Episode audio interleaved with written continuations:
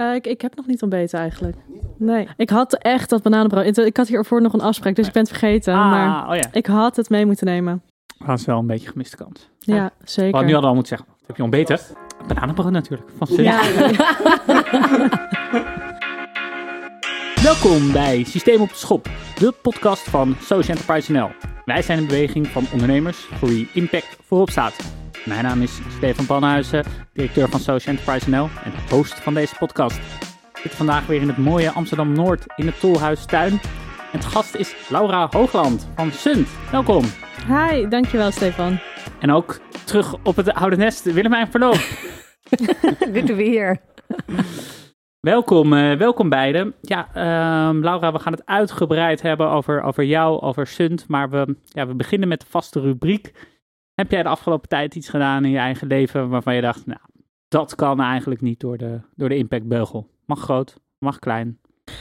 Ehm, ik denk dat, en dat is dan gelijk eh, heel dicht bij huis. Ehm, ik had laatst eh, voor drie dagen eten geko- gekookt. Ja. Ehm, dat ik dan denk, nou, dan hoef ik s'avonds, ik werk tot laat, kan ik 's ochtends gewoon, of eh, kan ik de volgende dag gewoon makkelijk mijn eten pakken. Ehm, maar ik heb het allemaal weg moeten gooien omdat ik te laat ben door gaan werken. Een pizza besteld op kantoor. En ja, dat kan eigenlijk niet door die impactbeugel, vind ik. Ja.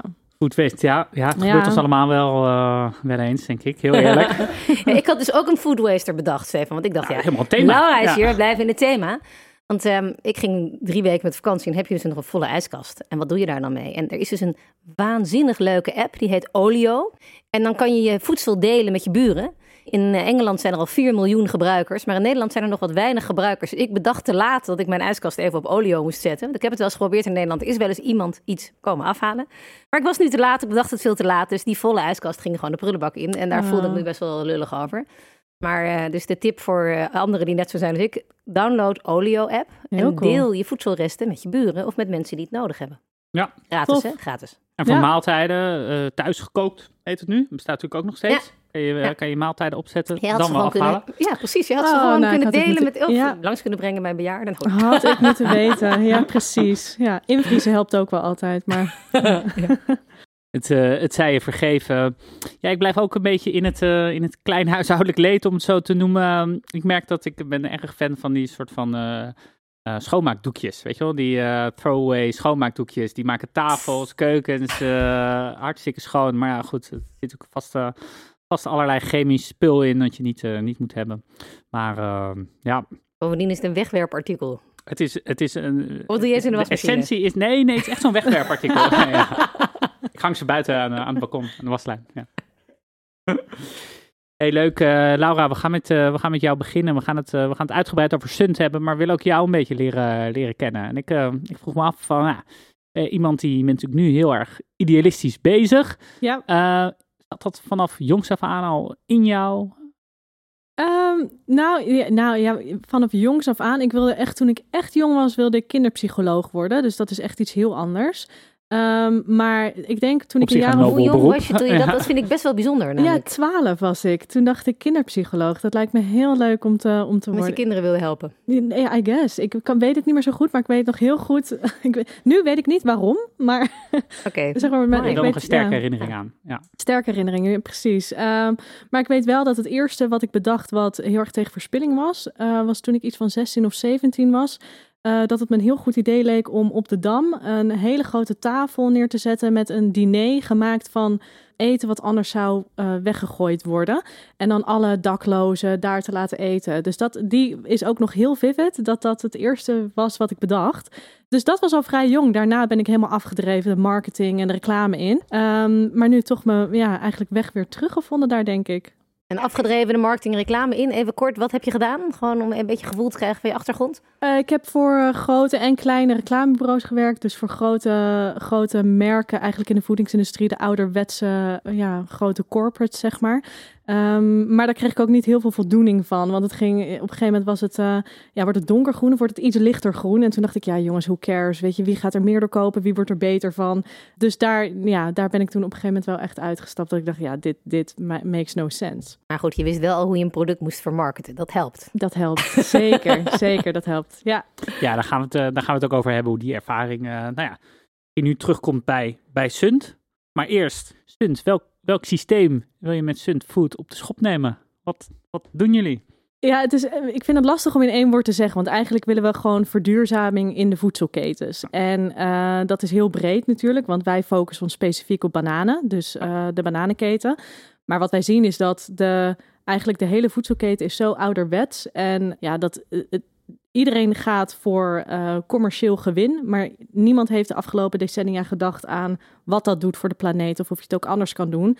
Met iets minder marge misschien. Maar ja, dat dat is eigenlijk wat wij willen laten zien. Dus we verduurzamen de keten, maar daarmee willen we andere grote voedselbedrijven laten zien dat zij het ook gewoon anders moeten doen. Want verspilling is gewoon weggegooide business. Ja, en hoe doen jullie het? Daar even op, op begin op te focussen. Wat, ja. Wat doet Sunt? Wat, doet Sunt?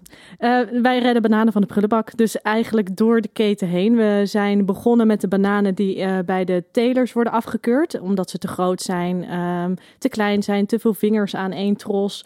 Uh, die te worden... krom, kan dat ook? Te krom kan oh, zeker ook. Ja, terecht. terecht kan ook, ja. Uh, dus om allerlei redenen ja. worden, ze, worden ze afgekeurd. En uh, daar maakten wij bananenbrood van. En nu maken we de stap naar dat we de bananen die in de havens... dus alle perfecte bananen die in, bijvoorbeeld in Ecuador perfect worden bevonden... die mogen dan door naar Europa. Dus die komen hier aan in Antwerpen of in Rotterdam-Vlissingen. Um, maar ook daarvan wordt dan weer een controle gedaan. En als een banaan al het rijpingsproces is gestart, dan uh, mag die niet meer door de keten in. Dus dan hebben we het niet over een rotte banaan, dan hebben we het over een groene banaan, waarvan het rijpingsproces al is gestart. Ja, want even voor de, voor de achterloze luisteraar. Die bananen uit, uit nou ja, landen als Ecuador, die, die komen hartstikke groen, gaan die de container in? Hartstikke groen. Ja, echt groener dan keihard. Dat kan je niet eens spellen. Dat is echt uh, bijna een baksteen. Um, en als ze dan hier komen, moeten ze nog steeds zo groen zijn. Dus er wordt onderweg, uh, zijn uh, 10.000 kilometers, ongeveer drie, vier weken zijn ze onderweg. Uh, wordt heel erg met de temperatuur gezorgd dat uh, niet dat rijpingsproces wordt gestart. Alleen er kan zoveel misgaan als er een storing is of dat er toch één banaan tussen heeft gezeten die al uh, wel aan het rijpen is. Die stoot dan ethyleengas uit. Nou, als dat eenmaal gebeurt, dan besmet hij eigenlijk alle, of besmet, dan ja. steekt hij alle bananen aan die in die doos zitten. En als er meer dan zoveel dozen op een pallet zitten die dus rijper zijn dan dat ze zouden moeten zijn, dus um, nou, we hebben het weer over dat groene, ietsje lichter groen dus. dan wordt eigenlijk die hele pallet uh, wordt gewoon afgekeurd. En dat, ja, weet je, met de volumes, bananen zijn een van de meest verhandelde producten ter wereld, dan tikt dat ontzettend aan. Ja. En die pallets, die nemen jullie dan mee? Ja, die pallets die worden uh, eruit gefilterd in de haven en uh, die halen wij op. En die verwerken wij dan straks in onze bananenfabriek om uh, daar puree van te maken. En een deel gebruiken wij zelf voor onze eigen producten. maar het is zoveel en wij zijn nog vrij klein.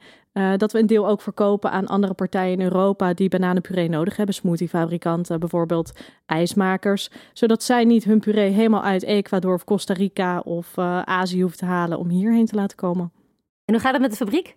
Ah, de fabriek is in volle gang. Het is, ja, het is, uh, het is iets. Nou, ik zei net al, ik kom uit de marketing. Dus uh, vraag mij om een uh, detailed engineering plan te maken. En dan, dan weet ik echt niet wat ik moet doen. maar nou, je weet wel hoe het heet.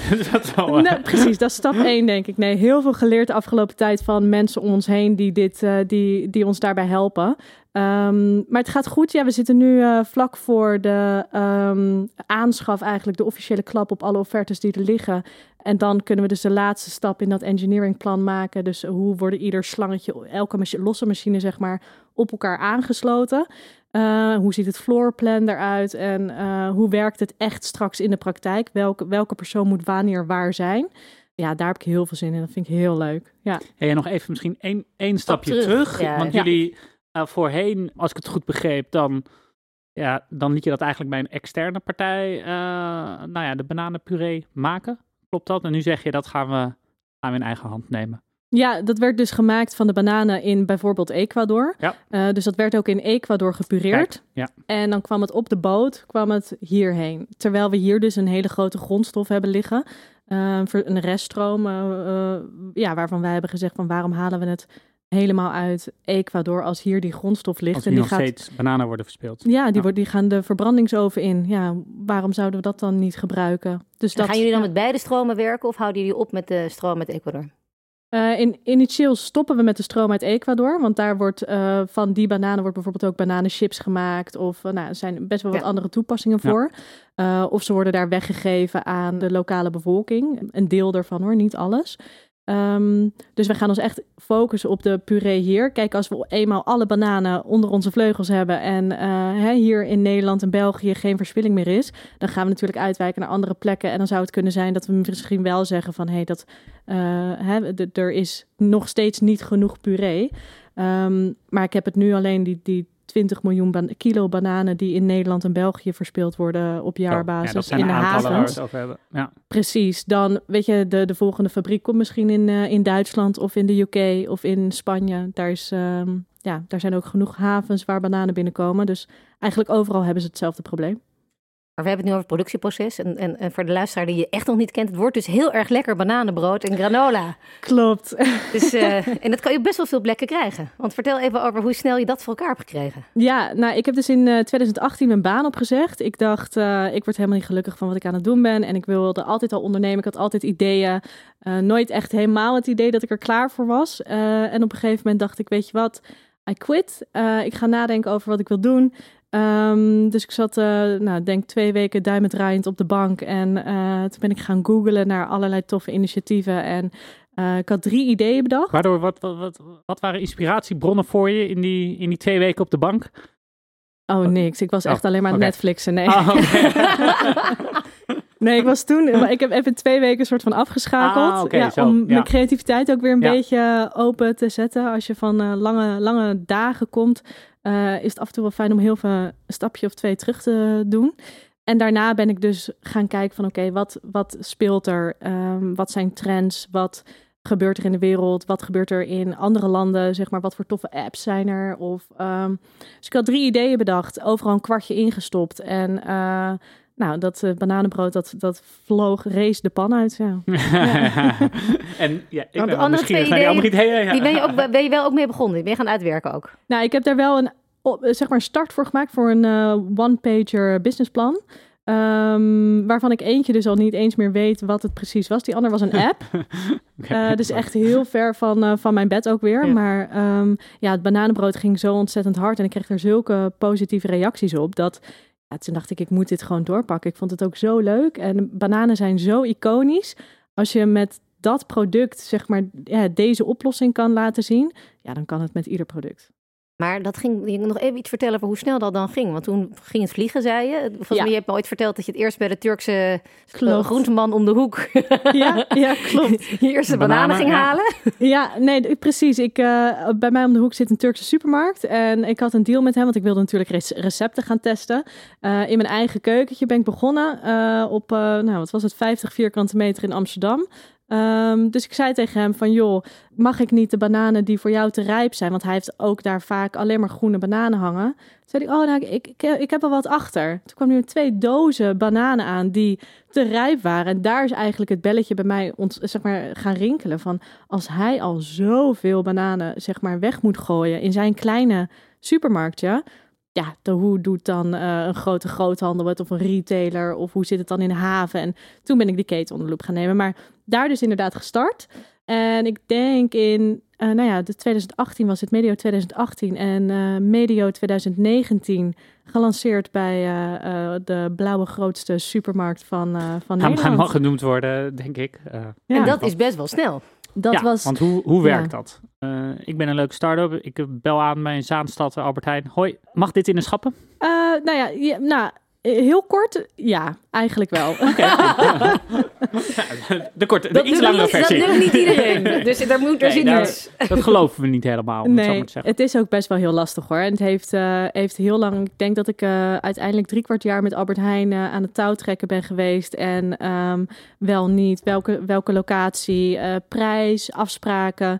Um, maar ik heb eigenlijk, hoe ik binnen ben gekomen, is ik heb een, via LinkedIn uh, best wel een brutaal berichtje gestuurd naar de category manager van de bakkerijafdeling en gezegd, joh, ik weet vanuit... Maar wel dus al heel gericht. Even, heel gericht, ja. ja. Ja, niet, nee, maar ja, ja, anders kom je bij de receptie en die, Ja. uh, ja, die gaan je echt niet doorvinden. Nee, nee. Dus die een berichtje gestuurd en uh, gezegd van, joh, ik weet dat, uh, dat dit en dit jullie missie is. Want ik werkte ook vanuit reclame, zeg maar, voor eh, Albert Heijn. Maar jullie bakkerijafdeling Saks eigenlijk. Het doet niks wat jullie zeggen, zeg maar, wat jullie missie is en waar jullie voor staan. Ehm, dus, en ik heb iets wat dat gaat uh, helpen om dat wel te doen. En nou ja, hij was intrigued genoeg om te zeggen: Oké, kan je volgende week uh, langskomen op het hoofdkantoor?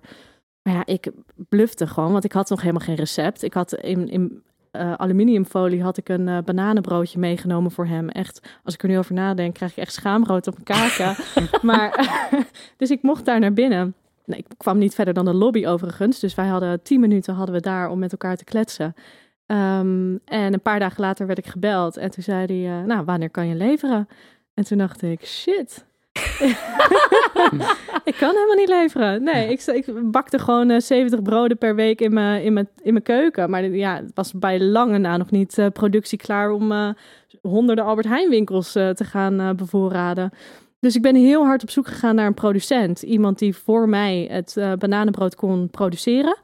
Um, en ik vond een hele goede partner die ook de distributie en de logistiek kon doen. En ik wilde dat het glutenvrij was en geen suiker in zat. En ik heb zoveel gekke blikken gekregen toen ik zei uh, amandelmeel en havermeel. En al die bakkers die dachten, wat ben je in godsnaam aan het, aan het uh, creëren hier? Uh, het was best wel heel lastig, want omdat er ook geen gluten in zitten, ja, om het fluffy te krijgen en toch een soort van moist, of hoe zeg je dat? Um, en hoe heb je dan toch een goede bakker gevonden waar Waar klikten jullie dan op?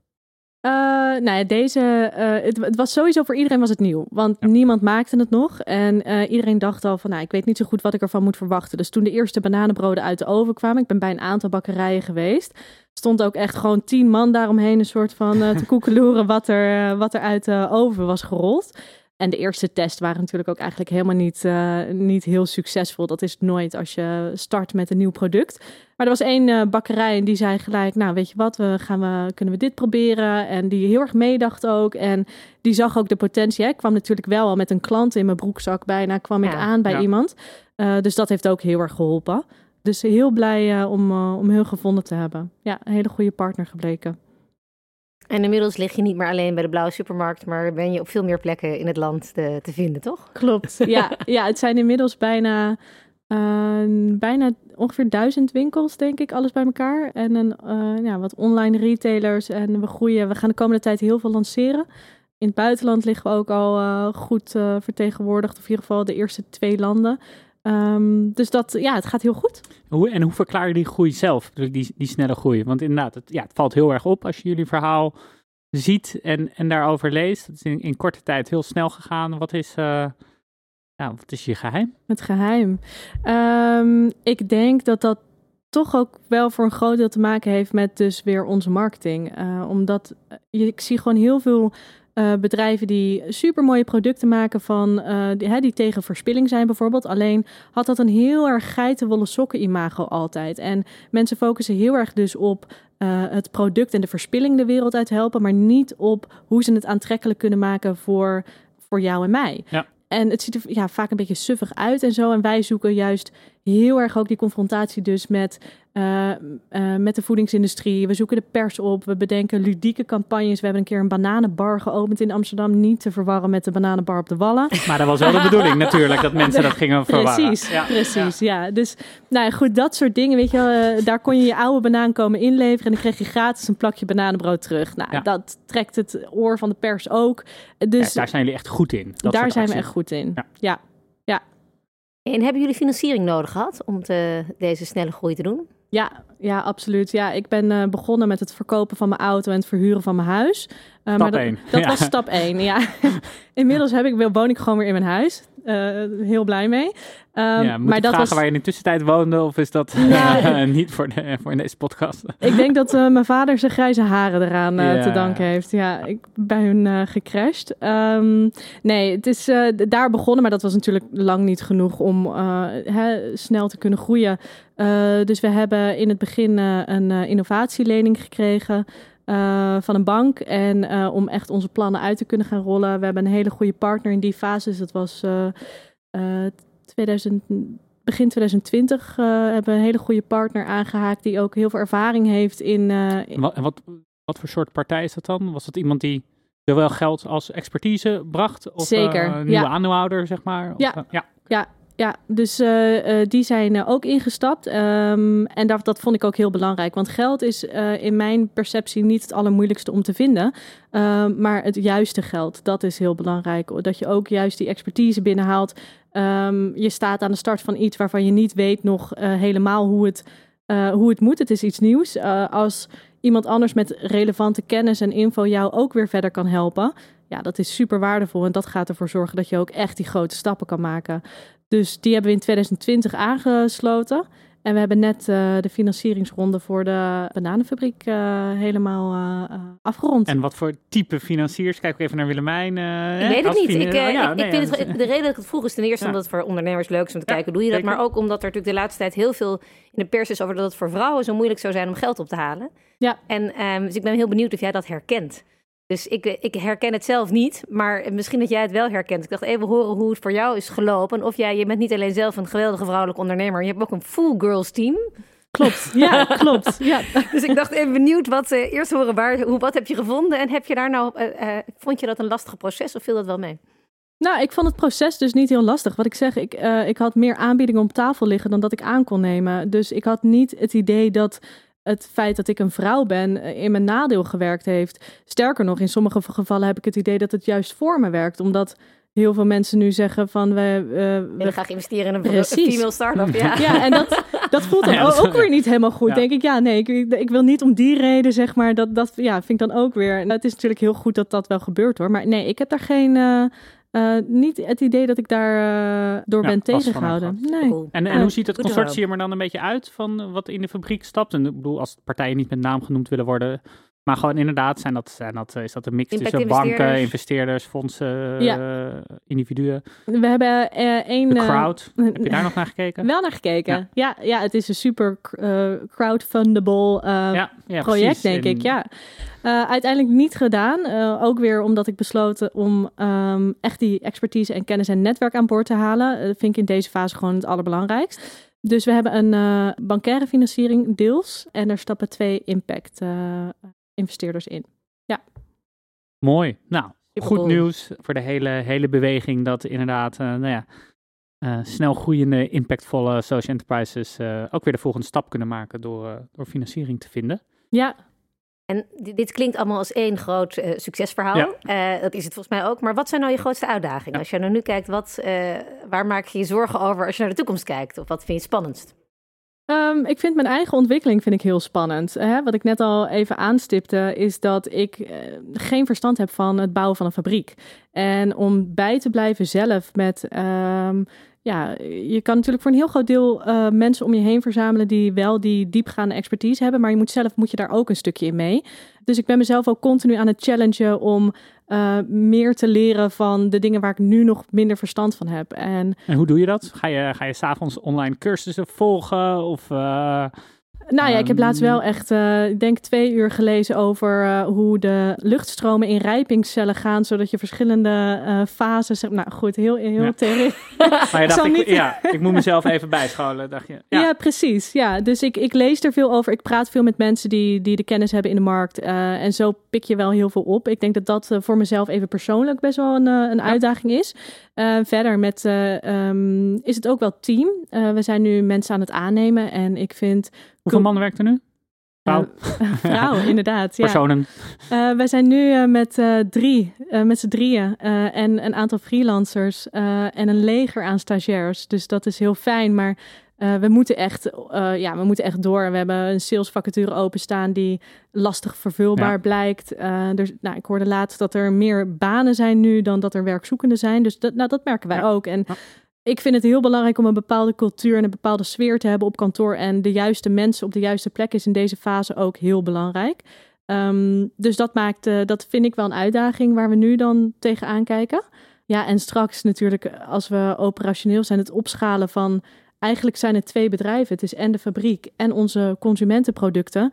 Uh, je wil met alle twee wil je groeien. Het zijn eigenlijk heel andere bedrijven. Uh, het is allemaal onder één paraplu hoor. Maar een B2B en een B2C business naast elkaar. Precies, ja, dat is maar ook wel een Nog heel even die vacature. Daar is die podcast ook leuk voor. Ja. Want ik denk, dit is natuurlijk een droombaan voor een, uh, iemand die Tuurlijk. duurzame... Ja, wat voor mensen zoek je? Ja, ja wat zoek je? Want ik denk echt, de, wij krijgen bij om ons heen juist heel veel mensen die zeggen... ik wil zo graag voor een duurzaam bedrijf werken. En ik wil in, iets van purpose in mijn leven. En hoe leuk is het om aan het beginfase van een stunt in te stappen? Dan eh, ga je, mag je een mooie ride meemaken, denk ik. Als eh, medewerker kan iedereen veel van leren. Dus wat zoek je? uh, iemand die sales in ieder geval heel leuk vindt om te doen. Dus relatie, onderhoud, maar ook nieuwe kanalen aanboren hoeft helemaal niet iemand te zijn die al uit de voeding komt, maar gewoon iemand met vooral heel veel energie en heel veel passie om ja, een, een, succes te maken van wat hij aan het doen is. Ehm, ik denk dat dat nog het belangrijkste is. Diploma's, dat vind ik allemaal niet zo spannend. Weet je, iemand moet vooral intrinsiek heel erg gemotiveerd zijn om iets te, te willen en iets voor elkaar te krijgen. En ik denk dat die mentaliteit en die, uh, dat, ja, uh, idee, uh, ja, dat vind ik gewoon het belangrijkste eigenlijk. Dus ja, een beetje saleservaring, top. Kom je uit de voeding, nog beter. Maar het hoeft niet. Het hoeft niet. Nee, je moet vooral gemotiveerd zijn om Sunt groter te maken. Precies. Andere, andere profielen die je zoekt? Uh, meer finance, operaties. En, Als iemand het leuk vindt om uh, de plant manager te worden van de bananenfabriek, wat echt te gek is natuurlijk. In België, toch? Nee, dit is Gelderland. Gelderland? Ja, ah. Gelderland. Ja. Helemaal fout, wat ik. Ik dacht bij de haven van Antwerpen, maar je ook daar had ik verzonnen. Waarschijnlijk zelf verzonnen. Het klinkt ook logisch. Het klinkt logisch om, het, uh, om meer in de, in de buurt van de haven te zitten. Maar nogmaals, ook hier vonden we een goede partner waar we een de locatie... Food Valley. Ja. Zit je in de Food Valley? Nee. Oh, jammer. Nee, nee. Maar in Plant in Gelderland? Ja. Plant in Gelderland, ja. ja. En dan, uh, dan meer de plant run of ook de B2B business? Uh, de plant runnen, maar ook wel een beetje strategisch kunnen nadenken over wat de next steps zijn om het op te schalen. Dus het is niet alleen het runnen van de plant, maar ook opschalingsplannen. Misschien zelfs uiteindelijk wel de tweede of de derde plant opzetten uh, met mij. Ja, dat, uh, ik zoek nog een partner in crime. Kijk, heldere oproep. Klinkt goed. Maar ja. je was, ik onderbrak je in je relaas wat je spannende dingen. Je, had het, je was echt al aan het vertellen over de combinatie van B2C en B2B naast elkaar. Ja, ja. En um, nog andere dingen waarvan je zegt dat ga ik de komende jaren, wordt dat voor mij spannend? Of, uh...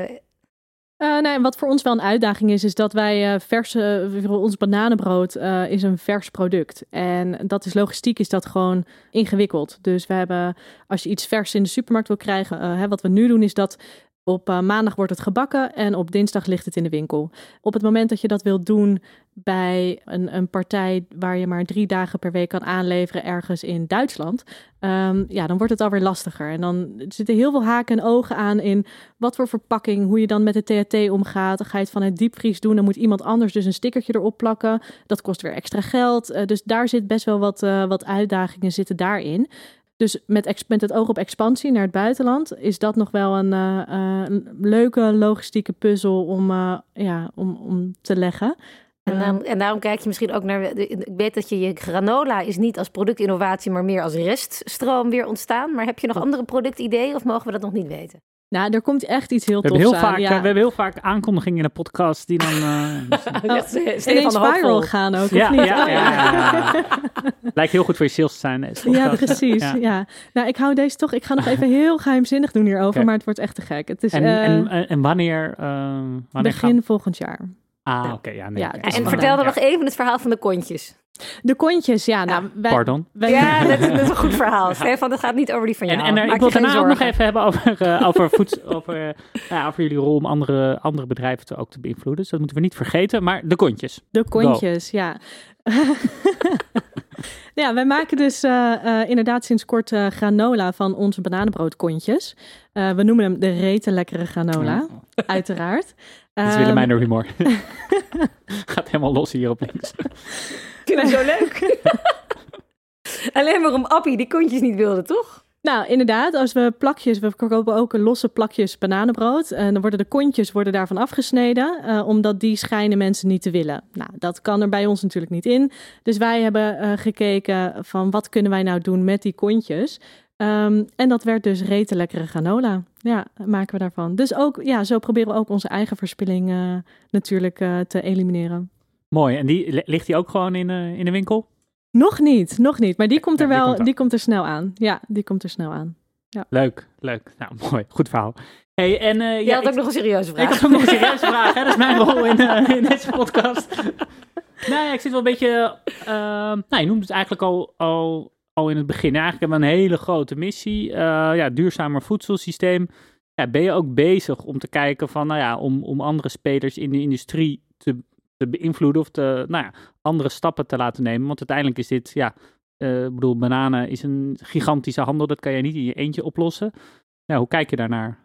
Nou ja, een van de dingen waar wij nu mee bezig zijn is uh, samen met, het, uh, met de douanes en uh, het ministerie van Economische Zaken zijn we aan het kijken of we andere regelgeving rondom waste kunnen krijgen. Want nu is het zo dat als wij die bananen waste, hè, want zo wordt het bestempeld, terwijl het nogmaals die groene bananen zijn, als wij die willen gebruiken, dan moet het uh, geïmporteerd worden.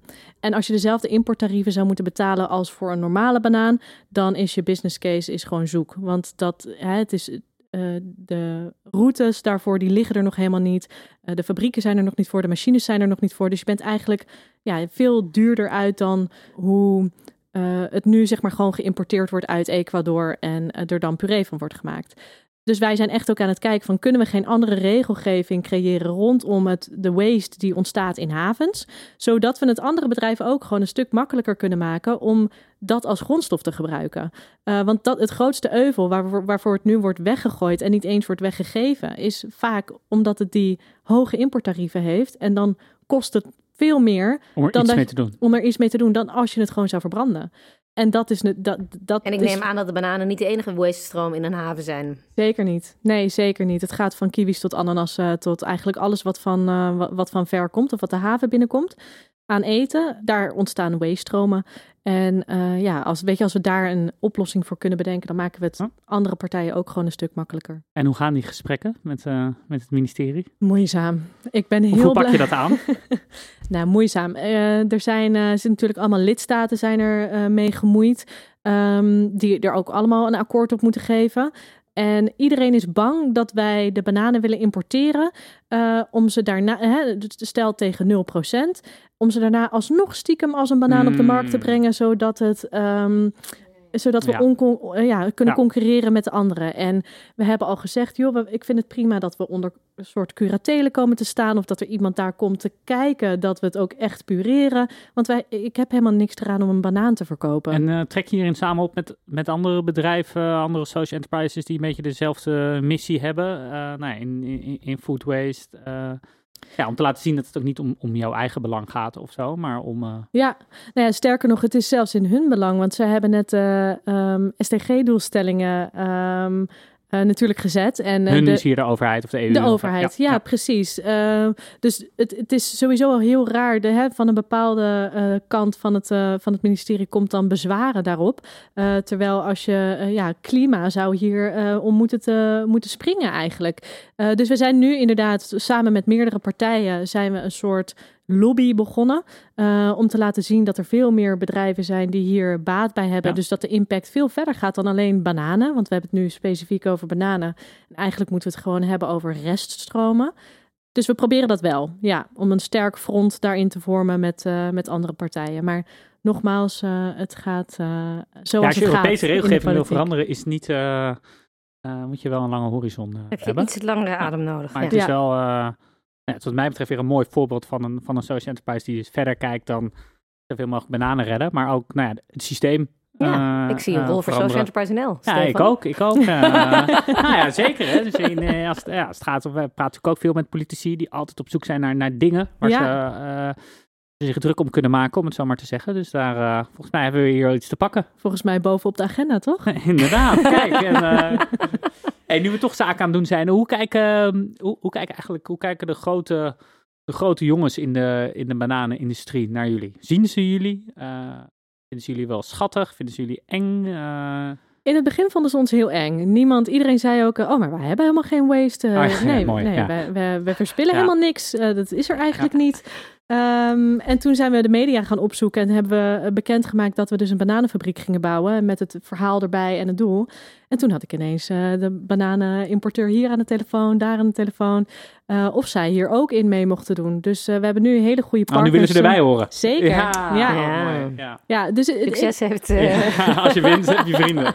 het is natuurlijk ook wel spannend om te laten zien hoeveel goed voedsel je eigenlijk weggooit um, tot op heden. En zij kunnen er ook vaak niet echt iets aan doen, omdat dus die regelgeving zo is als dat het is. En omdat het gewoon onmogelijk duur is. Dus ergens, er, er klopt iets niet in de keten. En zij vinden het dan heel spannend om te laten weten aan, aan mensen dat ze verspilling eigenlijk hebben.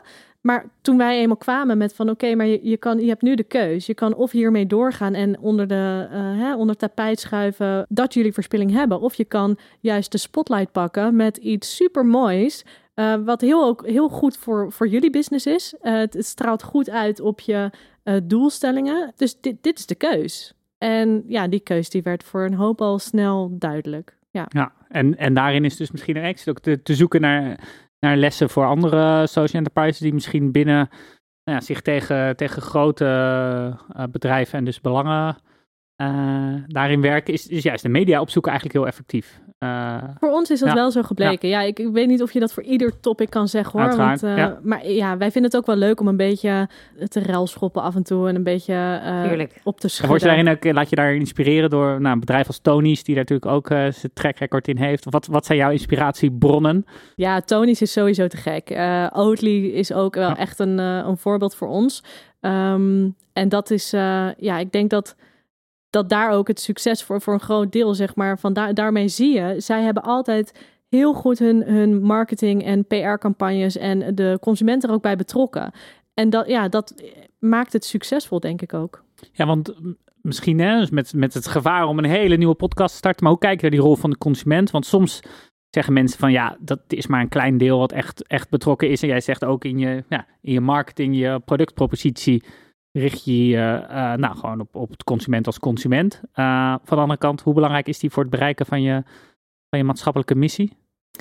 Consumenten worden onderschat. Die hebben een gigantische macht. En dat zien ze zelf nog niet, denk ik. Een hoop mensen zien dat zelf nog niet. Want met ieder product wat je in je winkelwagen stopt, stem je eigenlijk voor een positieve impact of een hele niet negatieve uh, impact. En dat wordt vaak niet helemaal gezien. En dat komt natuurlijk ook omdat, nou ja, eigenlijk alles wat je in de supermarkt vindt, uh, het grootste deel daarvan uh, is terug te leiden naar de tien grootste internationale merken. En als je eenmaal in de supermarkt staat, dan denk je, ja, oké, deze Golden Oldie zal misschien wel niet, uh, niet heel, maar goed, ja, gemak neemt de overhand en je stopt er toch je mandje in. Terwijl als je daar de, de, het is helemaal niet moeilijk, want voor ieder product is er wel een alternatief, wat een stuk beter is en een stuk duurzamer is. En soms moet je uh, hè, bij, dus bij de retailers aankloppen en zeggen, maar jullie moeten dit veranderen in je schap. Maar de, de consument heeft daar ook echt invloed op om ervoor te zorgen dat dat het schap in komt. En het schap blijft ook. En blijft, ja, precies. Ja, want op het schap komen, nou, dat ja, is, dan, je dat kan er zo niet... uit liggen als niemand het koopt. Dus Zeker. Het is, uh, ja. Nee, ik, ik, herken je verhaal enorm. Ik denk dat het uh, de macht van de consument op alle duurzame producten enorm is. Ja, absoluut. Eens. Ja, en dat wordt nog onderschat dus. En nou, we, zijn nu toevallig bezig met een campagne die zich helemaal focust op dus het laten zien aan de consument dat uh, zij heel veel macht hebben met hun boodschappenlijstje. En um, ja, ik denk dat. Ja, ik denk dat de kracht van je ook zit in, in, de combinatie. Dus in enerzijds een hele aantrekkelijke consumentenpropositie, en die ook misschien wel aanspreken op zijn verantwoordelijkheid. En, en anderzijds ook kijken, hey, wat zijn nou de systeembarrières? Waar, waar moet de regelgeving veranderd worden? En uh, nou ja, dat je de verantwoordelijkheid niet bij de consument alleen legt, maar dat het een gedeelde verantwoordelijkheid is. Zeker, absoluut. Ik heb er nog een, geen kontje dit keer, maar de schillen, wat doe je daar dan mee? Ja, nou, dat is een hele goede vraag. Wij doen met uh, de schillen, uh, he hebben we wel een aantal plannen voor. In ieder geval, we focussen nu dus eerst op de banaan. Maar uh, van de schillen kan je heel veel maken. Van een alternatief voor plastic tot voedingsvezels tot um, een soort alternatief voor leer, papier. Je kan er heel veel van maken. Dus uh, in eerste instantie, hè, ik zei net al van, we hebben en het consumentenmerk en de bananenfabriek. Om hier dan ook nog een schillenfabriek naast te zetten, is wel iets te veel, denk ik. Maar we hebben wel plannen om met die schillen wat te gaan doen. want wij willen gewoon nul waste, zelf ook niet. Dus van iedere schil die we overhouden, daar moet iets mee gaan gebeuren. En in eerste instantie wordt het diervoeder. Um, en daarna willen we dat steeds verder gaan upcyclen naar iets wat ja, uh, veel meer waarde creëert. Wat dat wordt, dat is voor mij ook nog uh, een vraag. Mooi. Helder. Hey, we gaan een beetje rustig gaan richting, uh, richting de afronding, Laura. Hoe kijk je naar je, naar je eigen toekomst? Ik zag net, je hebt, een, je hebt zelfs een banaan, banaantje getatoeëerd op je, op je arm. Dus, Klopt, ja. ik zou zomaar vermoeden dat je nog wel even in deze business blijft. Maar hoe, nou, wat ben je over tien jaar aan het doen? Oeh, dat is wel, vind ik leuk. Um, ik, ja, jemig. Ik denk dat ik dan nog steeds wel in de bananen zit. Misschien, I don't know. Voorlopig uh, focussen we dus. Hè, ik, heb een paar keer gezegd, uh, misschien een bananenfabriek hier of daar of zus of zo.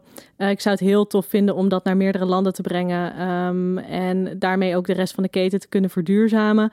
Onze producten die we maken, ja, we hebben zoveel nog op de rol liggen die we, van producten die we zouden willen maken. Wat dus een beter alternatief is van iets wat er nu al in het schap ligt.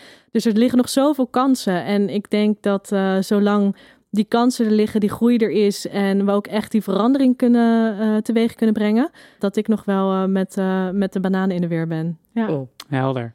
Hey, en, en je won laatst de Butterfly Ja. Award. Ja, zeker. Ja, ja, dat was echt een gigantische verrassing. Vertel even, want niemand weet wat dat is natuurlijk. nou, eh, de Butterfly Award is een eh, award. Ik mag, eh, het is geen prijs, het is een award voor ehm, sociale ondernemers die echt verandering aan het maken zijn en heel erg zich inzetten voor een betere wereld.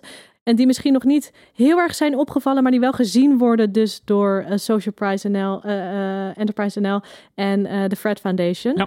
Eh, dus dat was echt, nou, eh, Nee, met de eerste winnaar. de Mm. eerste, ja, echt de, de primeur te pakken Ja. ook. Ja, heel Ja. tof, heel tof. Hey, en ehm, is, er, is er nog een andere waarvan je zegt, die inspireert mij? Heb je nog een, weet je, jij ziet veel ventures om je heen. Is er nog een ander van je zegt, nou, als ik nou denk, daar kijk ik naar, dat vind ik een inspirerend voorbeeld. Waar denk je dan aan? Oh, ja, dat zijn er dus echt heel veel. En wat ik net al zei, ik denk dat Tony en Oatly wel echt bovenaan mijn lijstje staat. Ik word ook altijd heel erg geïnspireerd door eh, de verhalen die voorbij komen op eh, Eat Big Fish. Ehm, en Eh, ken ik niet. Eat. Big Fish? Is dat- Eat Big Fish, ja, is een, een platform die dus ook met eh, hele toffe ondernemers die iets, ja, verandering teweeg brengen. Dus eh, de Big Fish eh, eigenlijk, zo hè, de grote jongens in, Ja. de, in de branches die... ah, ik snap. Aanpakken. Zo. Juist. Oh, lekker. Precies. Hallo, wordt ook iemand wakker hier? Ja. Je dacht die grote vissen mocht gaan eten. Ja, precies. Ik Nee. snap er helemaal niks van. Zat een heel ander eh, vakje te denken. Ja. Nee, soort de kleine visjes eten de grote. Ja. eh, dat, dat idee. En daar komen Check. ook eh, super toffe initiatieven voorbij. Dus da- dat platform, zeg maar, als ik dan iets mag zeggen. Het Ja. is niet één iets Nee, maar specifiek, een maar, daar goeie. word ik wel echt door geïnspireerd. En eigenlijk ook alle kleinere ondernemers die, of zeg maar, soortgelijke ondernemers zoals wij zijn. Dat ik zie, zeg maar, wat zij doen, vind ik ook heel tof. En iedereen pakt het weer net op een andere manier aan. Of die heeft weer een slim idee bedacht voor nou, logistiek of dit of dat. En dan denk ik, ja, dat is echt tof. Dat eh, zouden we veel meer samen ook eh, die kennis met elkaar moeten delen. Gaaf. Helder verhaal, Laura. eh, Laura. Super bedankt. Onwijs eh, inspirerend verhaal. Zowel de consument als de overheid wordt, eh, als het grote bedrijfsleven, ja, pakken jullie aan met z'n supermooi. Willemijn, dankjewel dat je weer was. Luisteraars, bedankt. We hebben nog een korte vragenlijst uitstaan. Dus weet die te vinden via onze socials. Als je je mening wil geven over deze podcast, Systeem op de Schop, vul die vooral even in. Gaan we mee aan de slag. En ik zeg op naar de volgende. Dankjewel.